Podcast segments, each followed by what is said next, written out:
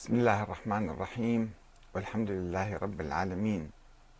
والصلاة والسلام على محمد وآله الطيبين الطاهرين. ثم السلام عليكم أيها الأخوة الكرام ورحمة الله وبركاته.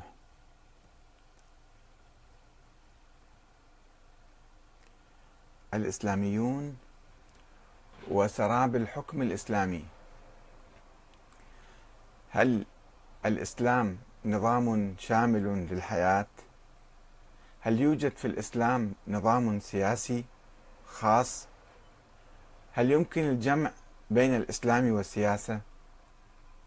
هل يمكن الثقة بكل من يرفع شعار الإسلام؟ هل يمكن الاعتماد على الإسلاميين؟ هل يمكن إقامة دولة إسلامية؟ أم أن هذا ليس سوى مجرد سراب؟ دقائق ونكون معكم إن شاء الله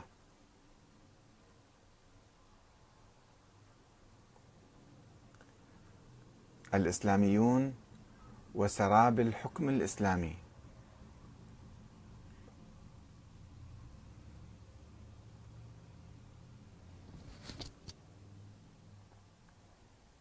هل يوجد دولة إسلامية في الإسلام؟ هل يوجد نظام سياسي إسلامي في الإسلام. هل يمكن الجمع بين السياسة والإسلام أو الإسلام والسياسة؟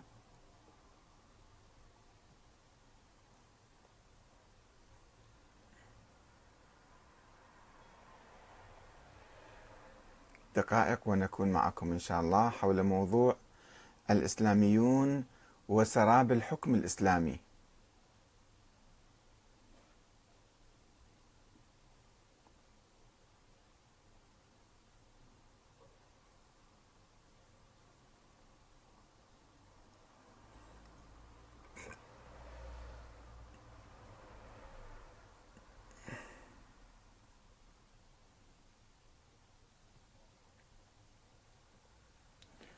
آه، أسئلة كثيرة. حول هذا الموضوع تطرح بعد فشل آه، التجارب الإسلامية أو الإسلاميين الذين يدعون الإسلام وإذا بهم نسخة أخرى عن الأحزاب الأخرى اللا إسلامية أو أسوأ منها بكثير من حيث السرقة والنهب والتعذيب واستغلال آه، البسطاء والضحك على الناس والتلاعب بالشعار الإسلامي. لذلك نطرح هذا السؤال.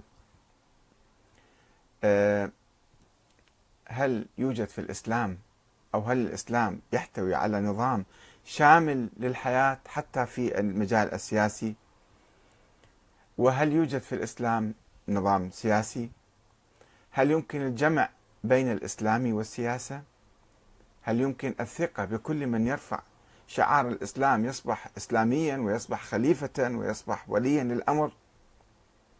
هل يمكن الاعتماد على الإسلاميين وإعطائهم الثقة الكاملة؟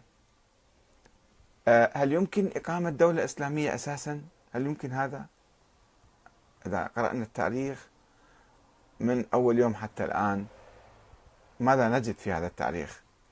أم إن هذا ليس سوى مجرد سراب وضحك على الذقون؟ إن طينة الإسلاميين الطينة الإنسانية البشرية الاجتماعية لا تختلف عن طينة غيرهم ممن يسمونهم بالعلمانيين. ولن يختلف سلوكهم في السلطة عن سلوك غيرهم من الأحزاب اللا اسلاميه من القومية؟ الشيوعيه اليساريه اليمينيه الليبراليه الديمقراطيه ما في اختلاف بين الإسلاميين وغيرهم. يعني مجرد واحد قال أنا مسلم أو إسلامي وأدعو إلى نظام إسلامي إلى تطبيق الشريعة. يعني أصبحت أنا من طينة أخرى. لأنهم الإسلاميين قبل تورطهم في السلطة يكونون متدينين عادة وملتزمين بالأخلاق والقيم والعبادات والتقوى والورع. وأما بعد استيلائهم على السلطة يتغيرون ويصبح هدف جمع المال والغنائم والاحتفاظ بالسلطة هدفا أكبر لهم. وهذا ما يغير طبيعتهم من طبيعة إسلامية إلى طبيعة سياسية متناقضة مع الإسلام والقيم والأخلاق الإسلامية. وبالتالي يؤدي إلى انفصال الحكام الإسلاميين بين قوسين عن شعاراتهم الإسلامية القديمة والأولى. حدث هذا في تاريخ الإسلام الأول حيث انقلب كثير من الصحابة الذين جاهدوا في سبيل رفع راية الإسلام انتقلوا إلى حكام وسياسيين يتصارعون على السلطة ولا نريد الخوض في ذلك التاريخ الآن. وحدث في تاريخ الدول الإسلامية الخلافات أنظمة الخلافة التي قامت عبر التاريخ. حتى بدأ الفقهاء ينظرون إلى واقع انفصال السياسة عن الدين. يعني عندما انفصل الحكام والخلفاء عن الإسلام فالفقهاء فقهاء السلاطين عادة بدأوا ينظرون للأمر الواقع أنه ليس شرطا أن يكون الخليفة أو الحاكم عادلا أو تقيا أو ورعا أو ملتزما بالإسلام أو أي شيء. حاكم هذا يجب أن نطيعه. نحاول أن نقرأ بعض الفتاوى في هذا المجال وكيف الفقه واكب هذا الانفصال. الانفصال الذي لم يمكن رتقه أو جمعه مرة ثانية أن يعطينا أه، يعطونا نماذج عن الحكام الملتزمين بالإسلام حقا. كما تعرفون كانت الخلافة في بداية عهدها ذات أهداف عظيمة. كما يقولون موضوعة لخلافة النبوة في حراسة الدين وسياسة الدنيا كما يقول الماوردي. أو هي رئاسة عامة في أمور الدين والدنيا نيابة عن الرسول الأكرم صلى الله عليه وآله كما يقول ابن خلدون. وكان يفترض أن تكون انعكاسا لتطلعات الأمة الإسلامية. وأداة لها لتحقيق مهمة خلافة الله في الأرض. ولكنها تحولت إلى ملك عظوظ وأصبحت محلا للصراع بين أهل الدنيا وهدفا لأجل الحصول على المال والنساء والعلو في الأرض بغير حق. وبعد أن كانت وسيلة لتنفيذ الشريعة الإسلامية يعني واحد يجي للسلطة حتى ينفذ الشريعة كما يقول وتحرير العباد وتحقيق العدل. أصبحت السلطة لدى معظم الخلفاء والملوك هدفا لذاته وانحدرت إلى أسفل دركاتها. وأصبح الخلفاء رمز الظلم والفساد ومخالفة الشريعة والاعتداء على حقوق الناس. وحدث في ظل ما يسمى بالخلافة أول انفصال بين الدين والسياسة. لاستحالة الجمع بينهما. فقد كان تدهور الخلافة بسبب قيامها على القهر والغلبة والعهد إلى الأبناء والإخوان والأقارب وانفصالها عن الأمة بعد إلغاء الشورى وتعاليها على المراقبة والنقد والمحاسبة. وكان العديد من الخلفاء يشربون الخمر علنا في مجالسهم ومنهم الهادي موسى أبن المهدي حسب ما يقول الذهبي.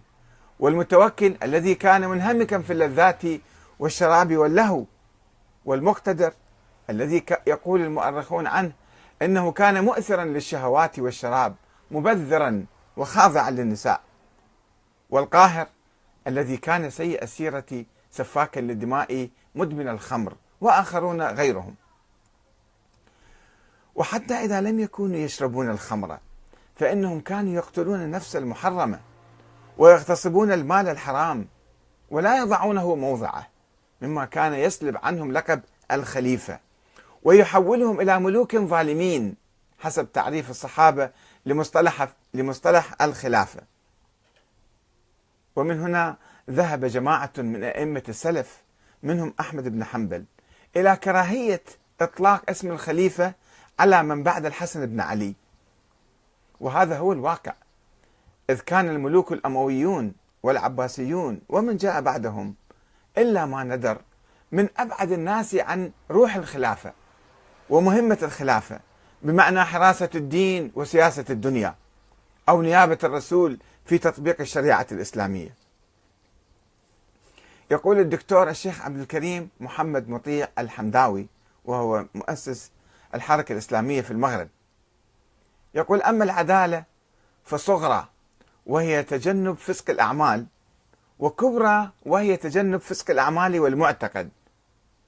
وقد رأى بعض الحنفية أنها ليست بشرط ضروري لصحة الخلافة. أساسا الخلفاء أسقطوا هذا الشرط من الخلافة.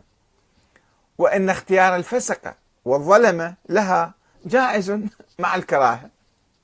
أمر واقع سواء عند التولية أو للاستدامة. يعني أول ما يجي الخليفة هو إنسان طيب صالح مؤمن أو يكون فاسق فاجر ظالم ويصير خليفة. أو أنه سابقا كان ظاهر الصلاح ثم بعد ذلك انحرف. أو ممارسة مهام تقليد الولاة والقضاء وغيرهم. كيف يدير الدولة؟ يديرها بعدل أم لا؟ بحسب يبيع المناصب مثلا. يقول الدكتور الدميجي أجاز أهل السنة والجماعة إطلاق كلمة خلفاء على من جاءوا بعد الخلفاء الراشدين. هذا طبعا خلاف رأي أحمد بن حنبل. وإن كانوا ملوكا حتى لو كانوا ملوك نسميهم خلفاء بشرط كونهم من قريش. فقط هذا إذا كانوا من قريش يصيرون خلفاء. إذا مو من قريش ذولا مو خلفاء. وإن كان فيهم بعض الانحراف والتقصير في بعض واجبات الدين مو مشكلة بعد هذا.